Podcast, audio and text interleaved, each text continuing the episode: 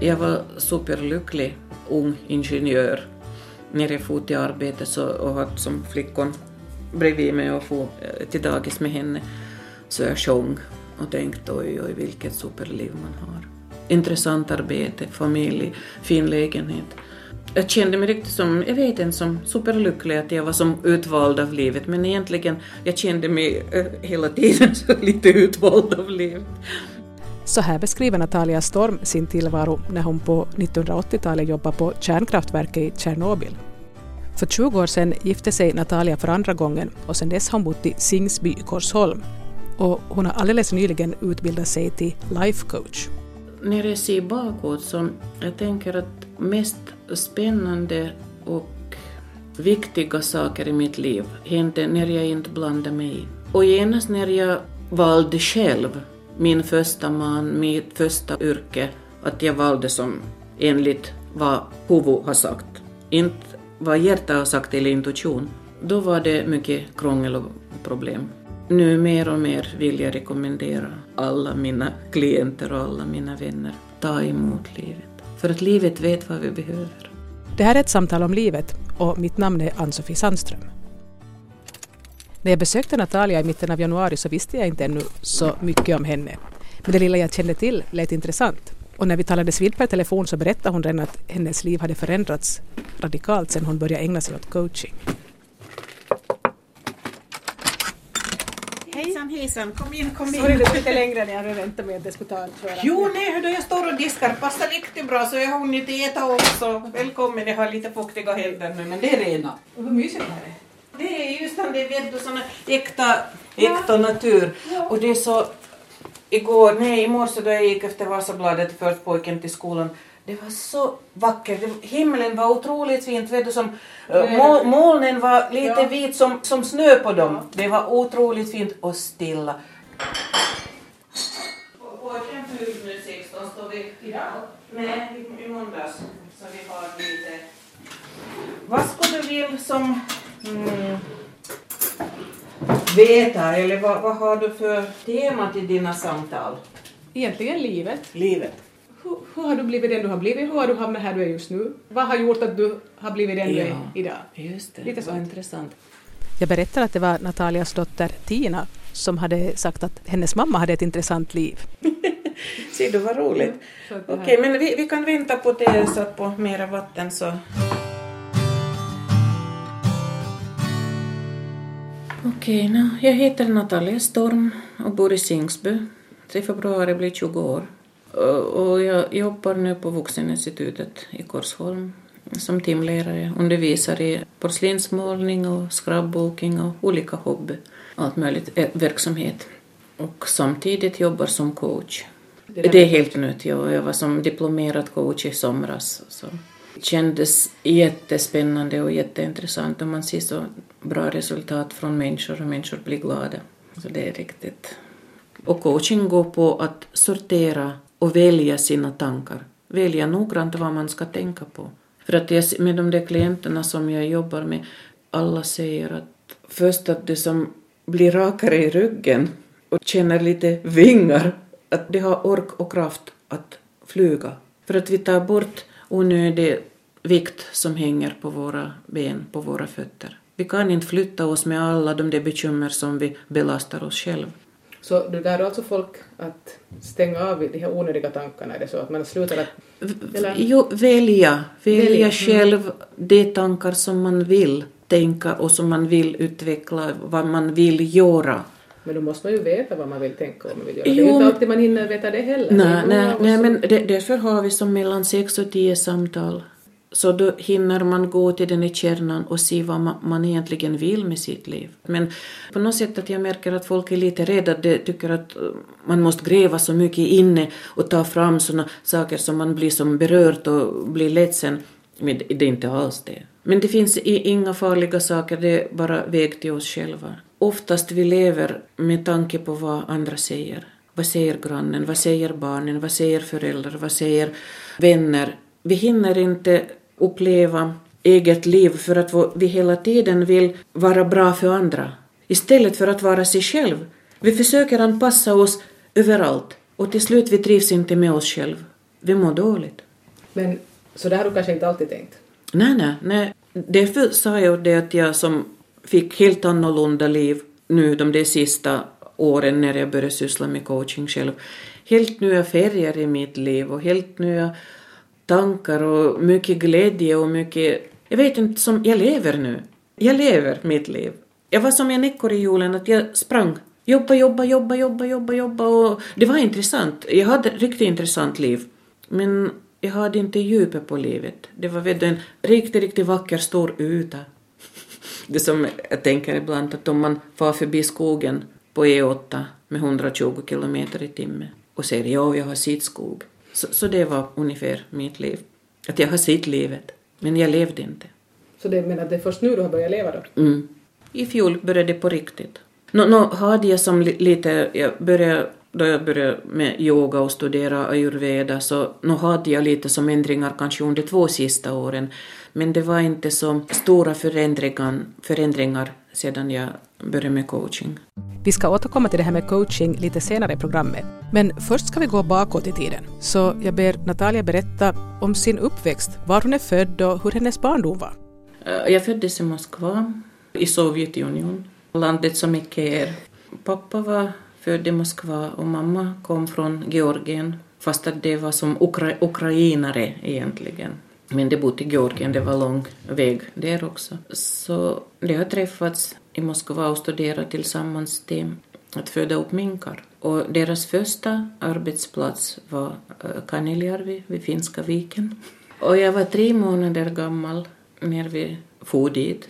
Och det var en riktigt litet, litet hus där på en gammal finsk revfarm. De fick eh, hyra ett litet rum så mamma berättade att det var inte vana att elda själv så det är också inte att man ska stiga upp och elda på natten. Så på morgonen när de vaknade så koppen var fastfrusen i fönsterbred.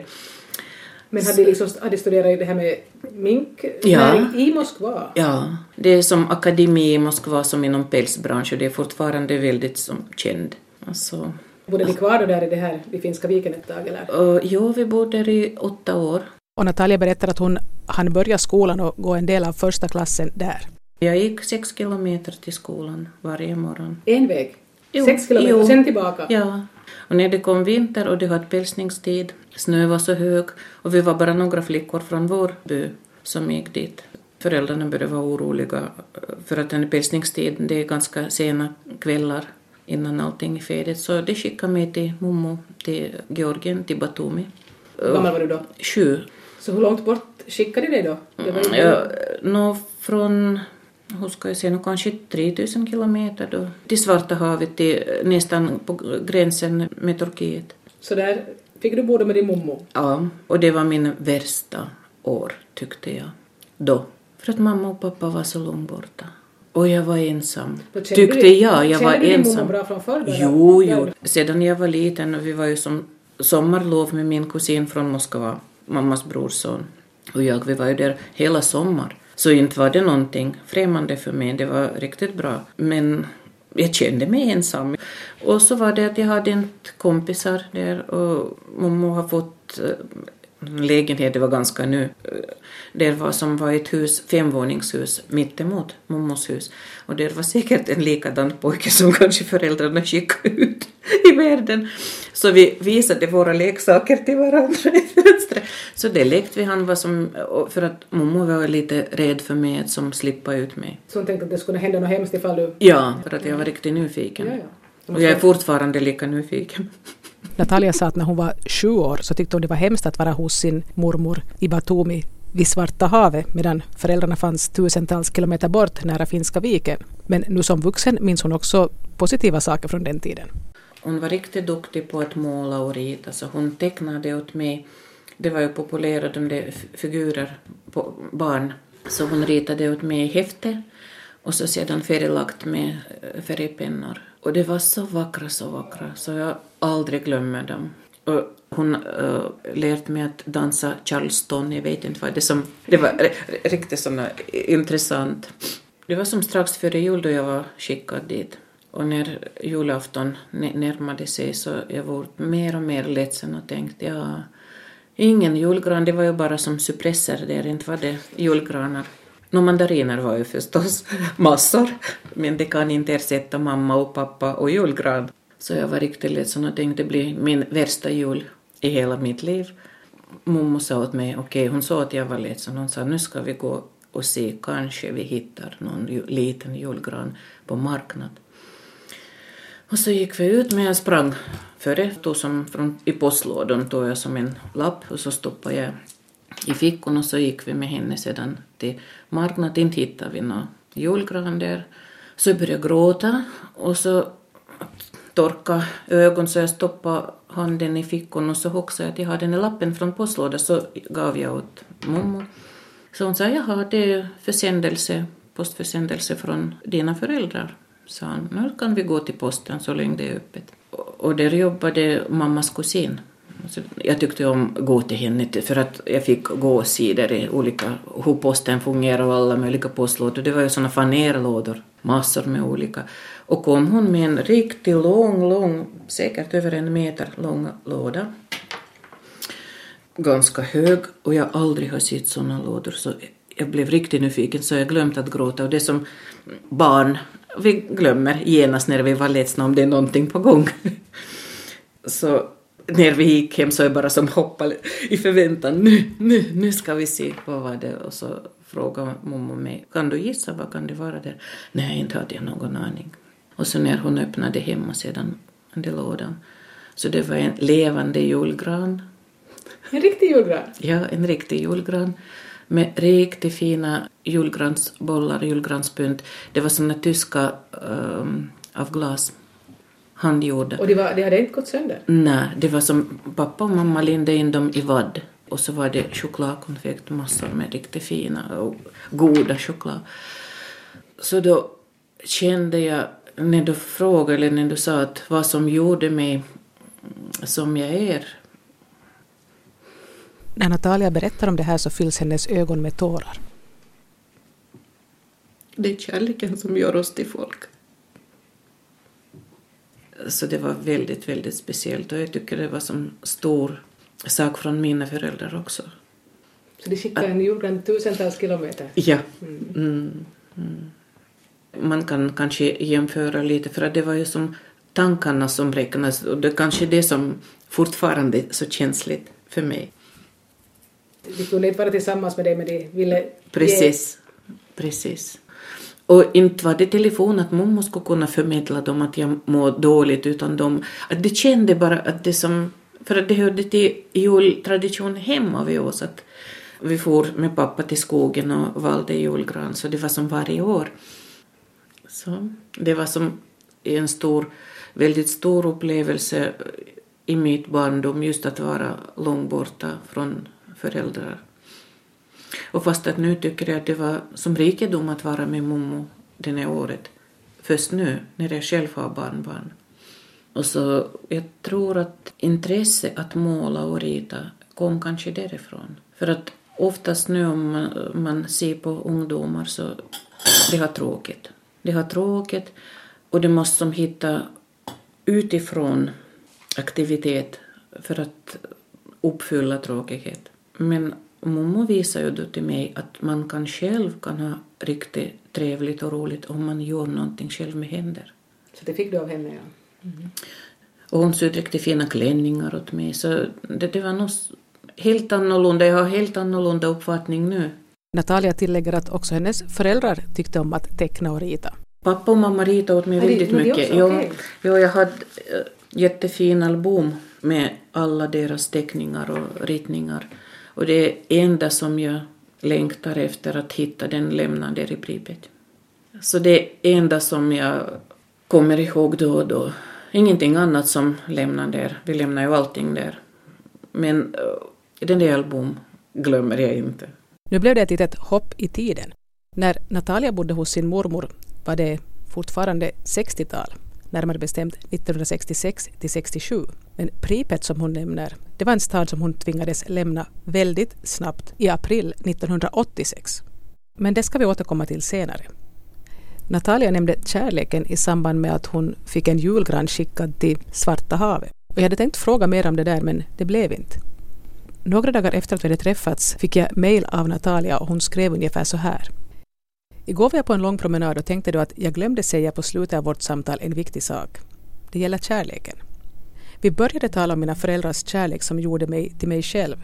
Många känner sig olyckliga när de inte har en partner som passar dem. Eller så letar de efter kärleken överallt i världen. De söker sina andra halvor på nytt och på nytt utan att veta att kärleken redan finns inom oss. Och viktigast är att inte söka kärleken för att få den själv utan för att ge den till andra människor. Precis som mina föräldrar gjorde. Där ligger hemligheten i att vara en lycklig människa. Du lyssnar till ett samtal om livet med Natalia Storm som håller på att berätta om sin uppväxt i Sovjetunionen. Hon berättar just hur hon som sjuåring blev skickad till sin mormor vid Svarta havet medan föräldrarna stannade kvar och jobbade flera tusen kilometer därifrån vid Finska viken.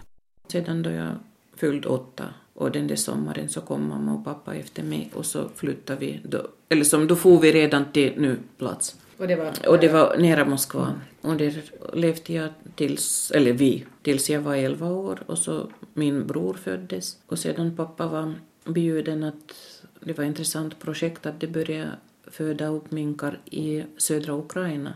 Så då flyttade ni alla dit då? Ja, hela familjen flyttade dit och det var just året när det var kolera i Odessa. Så pappa for dit först med några kappsäckar och så vi skulle få dit baget och huset var tömt, det var inga, mö inga möbler, vi skickade ju som med. Och så blev staden stängt för karantän på grund av kolera. Så då var vi i Moskva hos släktingar tills det öppnade gränsen igen. Hur länge var det stängt då? Oh, jag minns inte. Några månader. Det var några, så länge? Ja. Men han var där då? Ja. Han blev inte sjuk men att det som bara vill inte att det ska spridas. Det var år 1970 som Natalia flyttade med sin familj till Odessa. Jag frågade hur länge hon sen bodde där. Tills jag blev mogen. där började jag studera sedan i högskola och så.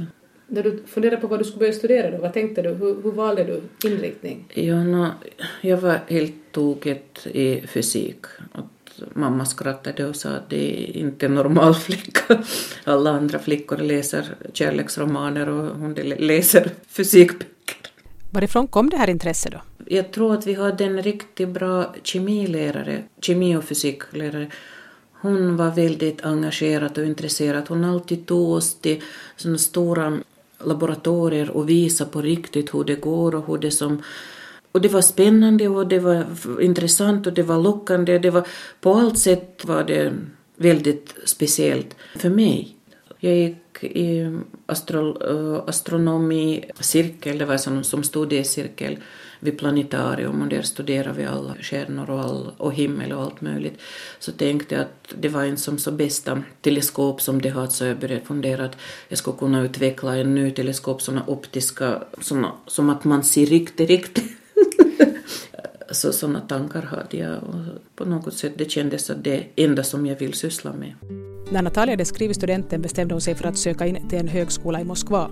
Jag sökte mig till den mest berömda och populära högskolan som sysslade med optik för kosmos. Och dit var det 200 sökande per plats. 200 per plats? Ja. Så där slapp jag inte.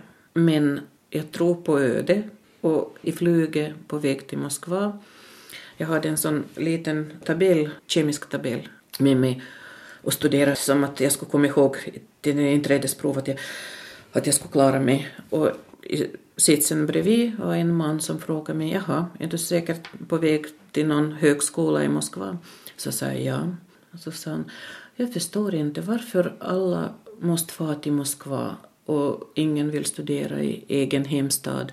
Han förstår, det var som kemisk tabell, det var någonting, kemi och fysik. Så jag sa, jo, jag är väldigt intresserad av fysik. Så han sa, men nu som i fjol öppnade vi en ny fakultet, kärnkraft, uh, hur ska man översätta det rätt till svenska? Mm. Det är alltså kärnfysik? För, Nej, det är som mera, mera för kärnkraft. Ja, kärnenergi, mm. just det. En ny, helt ny fakultet. Och ni som är duktiga och som så intresserade så far ni bort härifrån. När jag inte slapp där i Moskva så jag var inte alls ledsen. Och kanske det var meningen. Jag kom tillbaka och så sökte jag dit och skrev alla prover riktigt bra och så slapp jag inte. Hur många års studier var det? Fem år var det. Fem år? Mm. Tyckte du om det? Ja, ja, det var jätteintressant. Och vi var, varje år vi får på praktik till olika kärnkraftverk. Det var så spännande. Så du tyckte du hade hittat rätt? Ja. Du glömde det här med att studera kosmos? Nej, jag glömde inte för att uh, jag började som, istället för astronomi, jag började studera astrologi och parapsykologi. Fast att det var som under Sovjettiden, det var inte så enkelt, det var lite förbjudet men vi hade vår lärare som var väldigt intresserad själv. Så vi hade som en sån studiecirkel, inte på institutet men utanför. Mm. Vilka saker var det som mest intresserade dig? Nå, inom parapsykologi det var allt som har med psykologi att göra och med våra möjligheter, vad som människa har för kraft inom sig. 20 procent i hjärnan, det som vi medvetet tar emot av världen. 80 procent i omedvetandet. Just om det handlar parapsykologi och eh, telekines och allt möjligt sånt. Så det var jätteintressant att studera just som det, då vi studerade fysik, studerade fysik. Vilka energier handlar det om? För att allt egentligen handlar om hur energi rörs. Livet är evigt på det viset som energi slutar inte. Det kommer från källan och far till källan tillbaka. Och det är den i cirkel, energicirkel, och vi befinner oss där, i den i flödet. Då i slutet av 70-talet studerade Natalia Storm kärnenergi på högskolan och sen studerade hon parapsykologi och annat liknande på sin fritid som hobby. Fick du det på något vis att gå ihop i din egen Jo, jo, jo, jag tyckte att det som hänger riktigt ihop för att det, det, det handlade om energi. Men det, det handlade om människoenergi. Och egentligen på, kanske på något sätt hemligt för att de flesta människor ännu idag tror inte att vi har energi. Vi, eller vi, vi säger att kemi stämmer inte. Men det är som egentligen energi som inte stämmer. Det är inte kemin. Men det kommer som på kemisk nivå sedan. Men först det är våra energier, vår energikropp som står utanför vår fysiska kropp. Den står utanför 20 centimeter. Det, det som rörs med varandra när vi går bland människor. Och vår hjärna tar emot vibrationer mellan 7 och 20 hertz. Men resten av världen fungerar helt annorlunda. Men vi kan när vi sover till exempel, när vi som befinner oss i omedvetet tillstånd, så då sänker hjärnan lite sina frekvens. Då kan vi vara mera mottagliga för information från universum. Men allt det här då liksom, så var din hobby samtidigt som du studerade? Mm. Du sa astrologi, ast, ja, det är det jo, jo, jo, jo, men det var bara nyfikenhet som förstår lite vad som oss människor gör lika och vad gör oss olika. Att jag sökte mina mm. vägar, men nu när jag börjar jobba som coach, att jag förstår vad jag sökt. Det är vår obegränsad förmåga, mänsklig obegränsad förmåga i livet. Vår kropp kan allt. Det är som en sluten system som fungerar riktigt bra med hjälp av universum. Men det, det tänkte du inte ännu på den tiden? Nå, lite till det kom jag med in så djupt. För att då slutade sedan sluta studier och så for jag till Tjernobyl och så var det som var. Så det var livet var upp och ner bakåt. Mm. Så jag var helt borta från det där viktiga som började dra mig fram mm. under mina studier. Så när, när blev du färdig? Du får att jobba då till... Var det ditt första jobb? Så får du jobba till Tjernobyl? Ja. Var du singel eller? Nej, jag var gift. Var gift. Jag var gift. När träffade du din första man? Vi studerade tillsammans. Och det var inte så enkelt uh, faktiskt att slippa dit för att uh, det var som en kommission som när vi skulle få arbetsplatser, det var ju som i Sovjet, man behöver inte som söka själv. Man fick arbetsplatser och så kom det representanter från olika företag och sökt studerande som, eller som kommande specialister, men då var vi ännu studerande, det var ett halvt år före, innan vi började skriva diplom. De sökte de som var duktiga, som hade bra resultat i skolan i alla ämnen, och plus att de sökte inte singla personer, att de sök, sökte par, att de inte ska flytta hit och dit, att de ska som kommer och jobbar där. Och bilda familj där. Och bilda familj och fortsättningsvis bo där. Så de har väldigt strikt struktur, vem det tar och hur det tar. Och vi råkade med två andra familjer få plats där för att det var väldigt attraktivt, det var en ny stad. Och det var alltså staden Pripet som Natalia råkade nämna här tidigare. Men nu var han kanske 8-10 år gammal då. Men i alla fall... Jo, jo, jo riktigt, riktigt ung. Jo, för att precis då det började bygga kärnkraft så började det bygga den staden. Mm.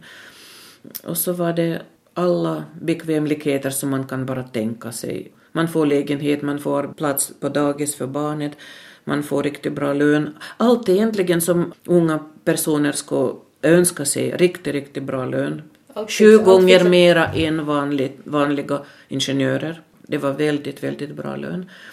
Och dessutom bara 160 kilometer från Kiev. För att de där andra, våra kompisar som fick inte vara i början av kö, kan man mm. säga. Så de fick platser till Sibirien eller någonstans till Murmansk, till riktigt, riktigt långt borta från, som det är tänkt, från civilisation. Så, så du var riktigt glad att du fick jo, det Jo, för att det var inte så långt borta från föräldrar heller, 500 kilometer. Så det var riktigt, uh, vi var superglada när vi fick arbete där. År 1982 föddes Natalias dotter Tina. Jag var superlycklig, ung ingenjör, när jag for till arbetet så, och hade som flickon bredvid mig och for eh, till dagis med henne. Så jag sjöng och tänkte oj, oj, vilket superliv man har. Intressant arbete, familj, fin lägenhet. Jag, jag var så tacksam för livet att jag fick jag kände mig riktigt som, jag vet inte, som superlycklig att jag var som utvald av livet, men egentligen, jag kände mig eh, hela tiden så lite utvald av livet. Sedan då jag träffade min andra man, jag tyckte att det var som, jag fick en gåva från universum i hans gestalt. Han är riktigt händig Sigvald. Hur träffade du honom? Och var? Det var en till mirakel. No, berätta. Efter olyckan så fick vi lägenhet i Kiev och jag jobbade på projektinstitut där i Kiev. Olyckan som Natalia nämner så där i förbifarten alltså den kärnkraftsolycka som hände den 26 april 1986. Men vänta nu, var du på jobb när olyckan hände? Nej, jag, jag borde vara i arbete men Tina var förkyld, hade feber. Skulle du ha varit där det värsta hände ja, just precis ja, där? Ja, och min skift var i arbete så det är det som inte finns något mer. Så dina kollegor ja. dog i olyckan? Ja, för att jag jobbar ju på fjärde avdelning men på turbinavdelningen, mm. inte på reaktorn, på turbinavdelningen men det var ju som mm. samma, det satt ihop. Så du var hemma med sjukt barn just då? Ja, och jag ringde till chefen och frågade måste jag få till arbete eller han sa jag ringer och det om det behövs, så lagt han på luren. Jag tror inte att någon av dem som jobbar den natt är kvar. Du blev räddad av ett sjukt barn? Ja. Så hon är min ängel, skyddsängel. Och hon drömde konstiga drömmar före och jag drömde konstiga drömmar. Och det är ju som vår kontakt med universum då. Hurdana drömmar? Jo, att jag såg att det var som ett, ett rum utan två väggar. Bara två väggar och två andra är borta. Vårt rum. Och vi sitter där och människor går genom vår lägenhet. Hit och dit, hit och dit och med stora klimpar med smuts och lera på fötter. Jag vaknade och tänkte vad... Och så berättade jag i arbetet. Och hon var ganska gammal, en kvinna, så sa hon åt mig det är in, inte bra den här drömmen, så, så, hoppas att bäst att det är som att ni mår bra hemma fast att det händer någonting i arbetet men huvudsaken att ni mår bra hemma. Och så sedan drömde jag att vi sitter i en buss och jag har Tina i famnen och så börjar jag må illa. Jag väntar ju barn då. Så jag började må illa i drömmen också. Så jag bad chauffören att han ska stanna. Så han stannade och jag hoppade ur bussen med Tinan i famnen. Och så såg jag bak att det kom som stor, vet du, det visar ibland i TV när magma rinner. En sån flod av lera, jord och riktigt som och svart och eld, allting tillsammans. Mm. Och den där bussen, han ramlade som en äh, tändsticksask, hopp, hopp, hopp och ner någonstans. Och hela den här massan for bara upp till knän, inte högre upp. Och också i verkligheten förekom sen en bussresa. Det var några dagar efter olyckan i Tjernobyl när hela staden Pripet skulle evakueras för några dagar, trodde man. Jag hoppade från bussen då vi var där, 40 kilometer från Pripet. Det, bussen stannade och vi skulle vara där, vänta på besked från politiker. Och så en annan buss som våra kompisar for, så det var chauffören var riktigt ung pojke, så sa han att jag aldrig far tillbaka till Tjernobyl, jag är rädd. Så ni som vill, ni kan följa med mig till Kiev. Och jag tänkte, då får vi till Kiev. Jag hade ingenting, ingen bekant i Kiev, in, ingenting hade jag. Och så 10 rubel hade jag i fickan. Och det var bara du och Tina? Ja. Så nere i Kiev, för, första vad jag kunde tänka mig att jag sprang till järnvägsstation och tänkte att jag måste vara till föräldrar. Jag hade ingen annan tanke, bara till föräldrar, till mamma och pappa. Hur länge efter att olyckan var det här? Tre dagar, tre, tre, tre, tre dygn väntade vi. Det var 29 då vi var evakuerat. 26 hände det. Ja. Och på Visste, tåget ni, visste ni själva hur allvarligt det var Nej, liksom för nej, ingen har sagt. Nej, nej. Men vi funderade, eller vi gissade att det var någonting på allvar för att soldaterna som gick runt, de har såna gasmasker och Men så när ni evakuerades först var tanken att ni skulle vara lite längre bort ja, en stund? ja, enligt, enligt plan. Ifall det händer någonting så det var som en plan att hela befolkningen flyttas till olika byar runt omkring. Då var det alltså den här busschauffören som bestämde sig för att han körde in Han var ung pojke, ja. Han vill bara som försvinna härifrån. Var tanken att din man skulle komma efter då? Eller? eller? Vi, vi hade inga tankar då. För att det, vi var ju som lagt i bussar och det satt som mat och dricka till tre dagar och passet. Ingenting annat. Som att ef- efter, efter, nej, nej, efter tre dagar tillbaks, typ. Men Natalia valde alltså att inte stanna på den här platsen utan hon följde med till Kiev som ligger ungefär 160 kilometer från Tjernobyl. Men som sagt att jag hade inga pengar när jag kom till tåget och tåget skulle få bort och så igen, mirakel, kom en bekant som vi studerade tillsammans och han jobbade på samma kärnkraftverk. Så jag frågade honom om han kan ta Tina med ifall jag inte hinner tillbaka med biljetter. Han sa jo att han skrev bara mammas och pappas telefonnummer och tog Tina in till tåget. Och jag sprang tillbaka till stationen och det var, det sa att alla, det var ingen panik i Kiev, men det var panik. Det var proppfullt med människor. Så folk visste ändå? Fattade Jo, jo, jo, det fick veta. Och jag vet inte hur. Det fick veta. Men han, han det Alexej som träffade mig på tåget, så han sa att jag ska gå till ett litet fönster. Och det var sån KGB. Jag skulle bara visa mitt pass, var jag jobbar. Så genast när jag kom och viftade passet, fast det var lång kö, det såg mig från fönster, så pekade han åt mig till en dörr. Jag gick dit, sprang dit och tog... Han frågade bara vart, så sa jag dessa en biljett. Så han har skrivit en biljett och gav åt mig och så sprang jag till tåget. Och du hann? Ja. Jag hoppade in till tåget och så efter en eller två minuter tåget for. Så det var allt var på sekunder. Så, När Natalia och Tina kom till Odessa så ringde hon sin pappa. så jag ringde pappa till arbetet för att vi hade inte några pengar till taxi eller till... Det var enda pengar som jag hade så det var till biljetten. Så jag frågade om han kan skicka bilen efter mig. Han frågade vart ska jag skicka bilen. Så nu hit till uh, järnvägsstationen.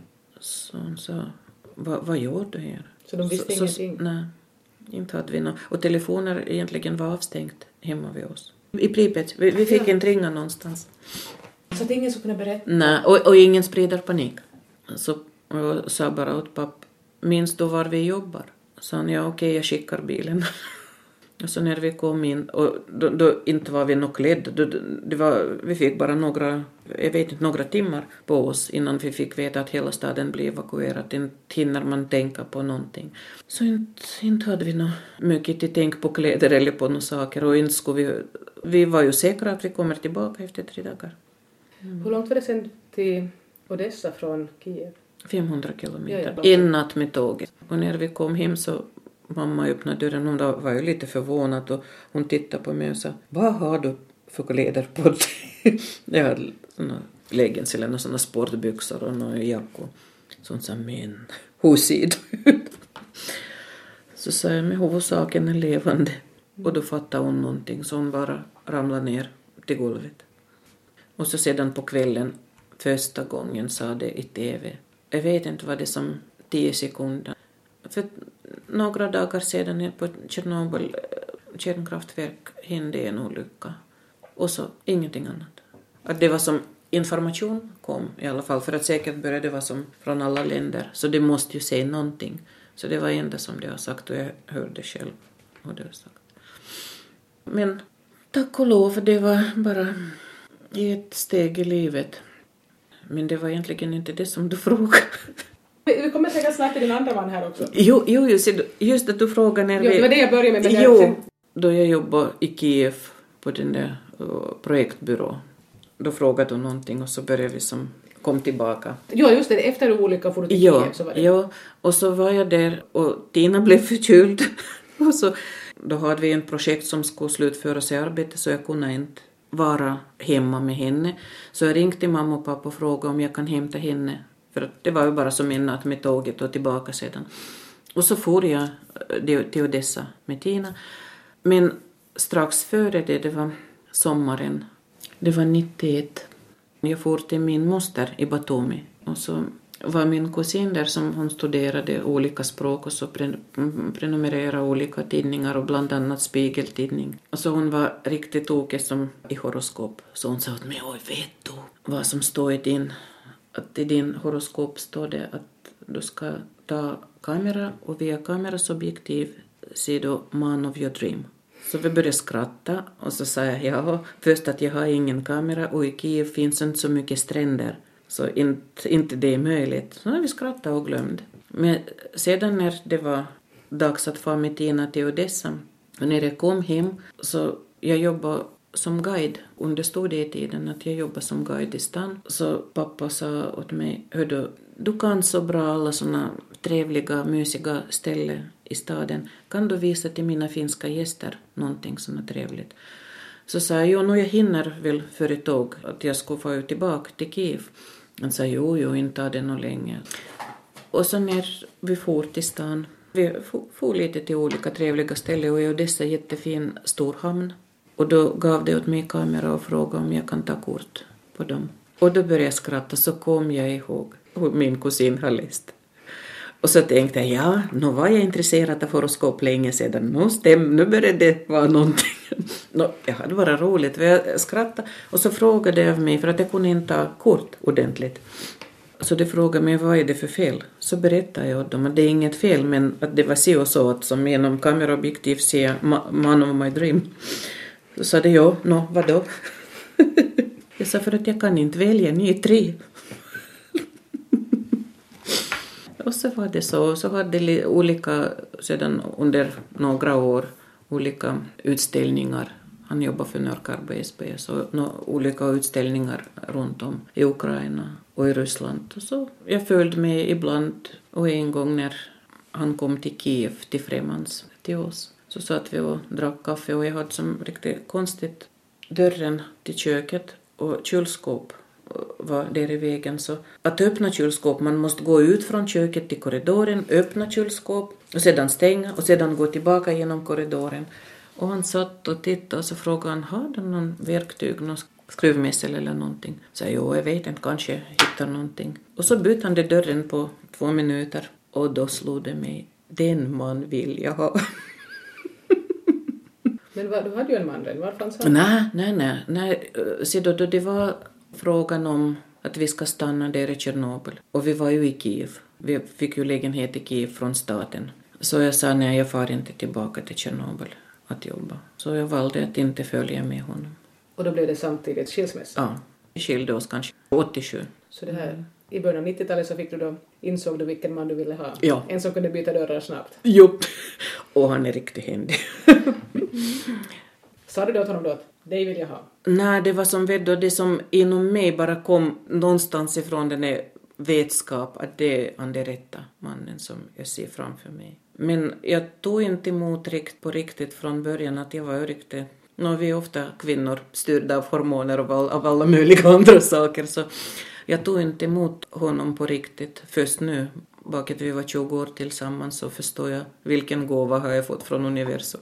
Men eh, det var väl meningen att man växer ihop tillsammans och så börjar man förstå mycket mer av varandra. Och jag förstår nu, ju mer vi är öppna för varandra, desto lättare går den där processen i alla relationer. För att första vad vi gör med andra människor, att vi vill visa vår vilja. Vi har väldigt svårt att höra och lyssna andras viljor. Och jag började fatta det när jag började studera coaching. Jag började förstå att det är helt annorlunda, på helt annorlunda nivå bygger man relation om man börjar lyssna varandra. Och då fick jag uppleva på riktigt min man. Men då hade du redan varit gift med honom i 20 år? Så. Ja. Så det var en aha-upplevelse, igen.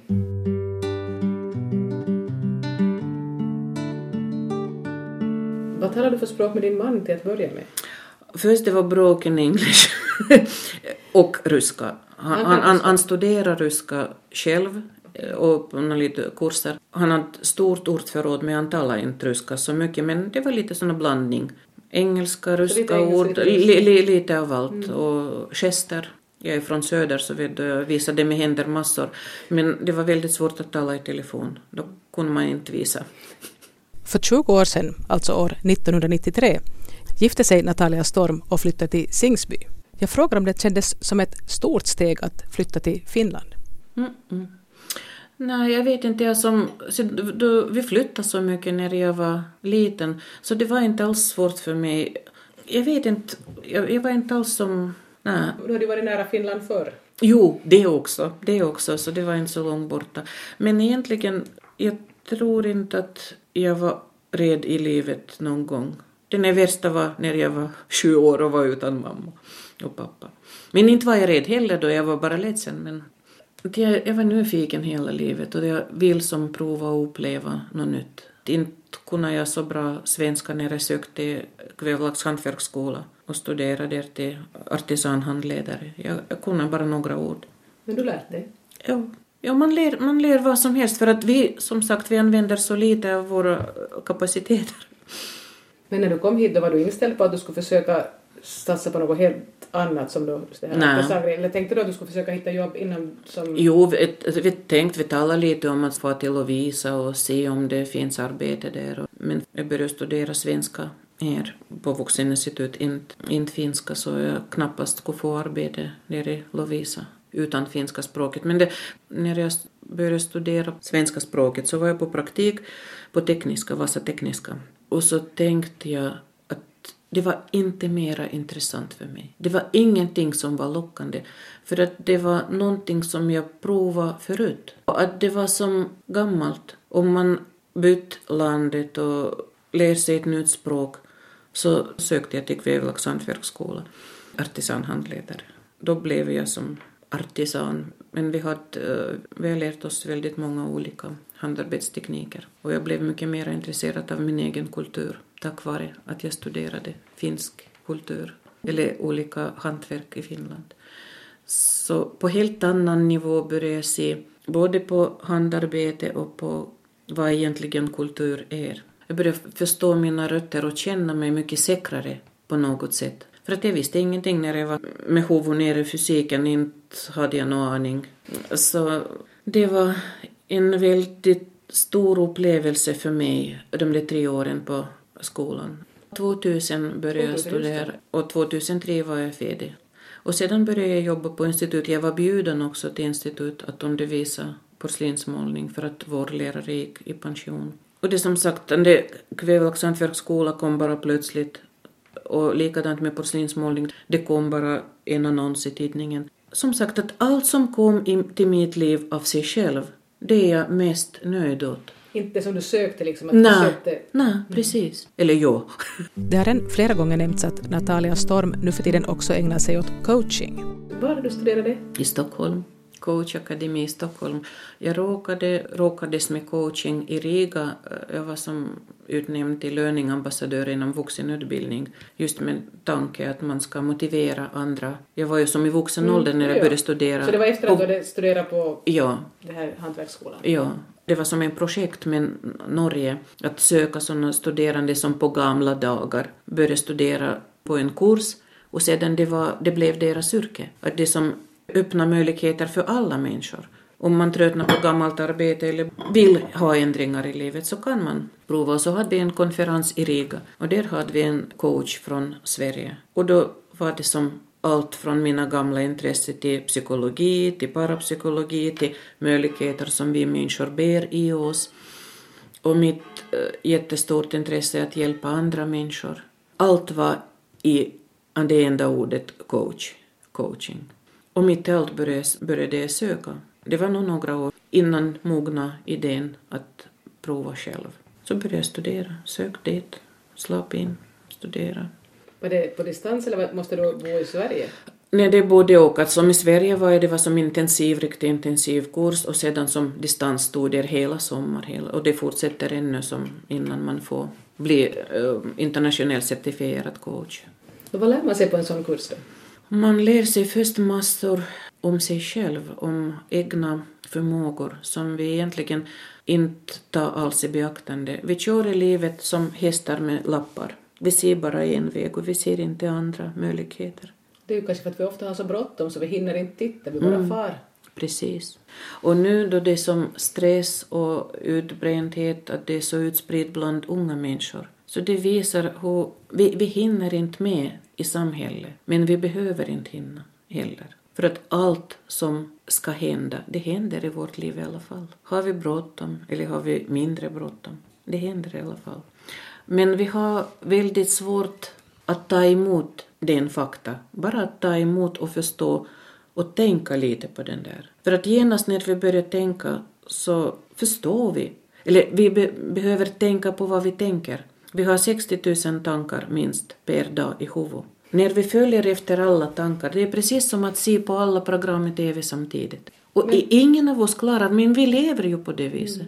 Vi tycker att alla tankar som far i huvudet, att vi ska göra någonting med dem, att vi ska handla enligt dem. Och egentligen i den sund bondförnuft finns den där grunden till bara vara. Och människor uppskattar att bara vara. Men att man kan ju fortsätta att bara vara fast att man jobbar. Ta lite lugnare tempo som kroppen tål. Jag började med yoga på äldre dagar också. Och det är också huvudregel att lyssna kroppen. Vi hör inte vår kropp. Vi ger oss inte tid att lyssna vad kroppen säger. Och på det viset vi förstör. Vi ska, skaffar bara sjukdomar och stress och allt möjligt.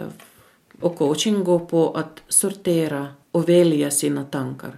Välja noggrant vad man ska tänka på.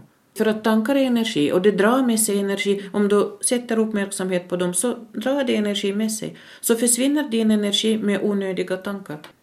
Vi tycker att vi måste springa i den ekorrhjulet, men det är inte det. Vi måste inte. Och det som är en riktigt bra sak som min man säger att om bastu brinner, man struntar i annat. Så man gör det som ska göras nu och man behöver inte Lägg uppmärksamhet till annat. Så då undviker man den onödiga val.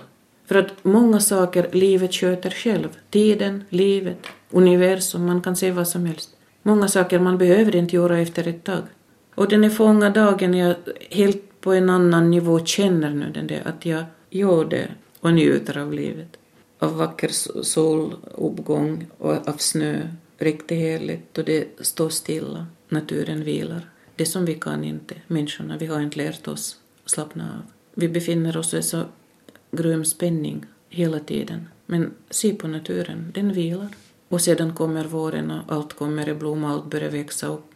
Men vi ger inte oss tid att vila. Vi äter med telefon, vi njuter inte av maten för att vi har Vasabladet framför oss, radio på, TV på och knappar något MMS eller SMS skickar någonstans. Och när någon frågar hur var maten? Ja, okej.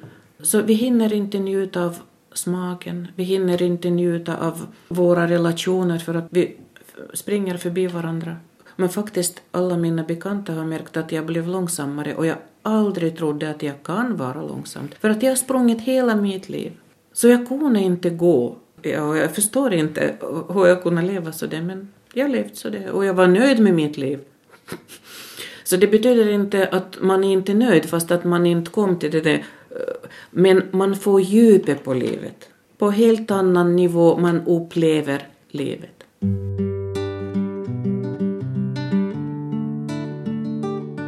Du skulle vara någonstans nu en viss tid. Klockan sex. No, den är faktiskt fem nu så det där... Jo, jo, jag hinner. Jag har bara i Smedsbuss och, Ah, okej, och allting i bilen färdigt så vi ska skrap, skrappa. Ja, just det, sån här man sätter... Bi- bilder och papper Ja, och allt möjligt. Jag kan ju bläddra snabbt i en bok med mina uh, några porslin, porslinsarbete. Så du kan ha lite, en liten aning vad jag sysslade med, med inom porslin. Jag lagade en bok. Fortsätter, fortsätter du med det fortfarande nu? Nå, lite mindre, men jag undervisar i porslinsmålning, men lite mindre eh, nu. Själv målar mindre. Då det kom nu, nu som kom coaching och allt, all, allt annat i livet så det känns mera intressant nu. Då var det mitt intresse, hela mig var där, så då målade jag nätterna ut. Så det var en period i ditt liv? Ja, men nu målar jag ännu, men inte så det vild och crazy som förr. Ni har hört Natalia Storm i Singsby i ett samtal om livet. Mitt namn är Ann-Sofie Sandström.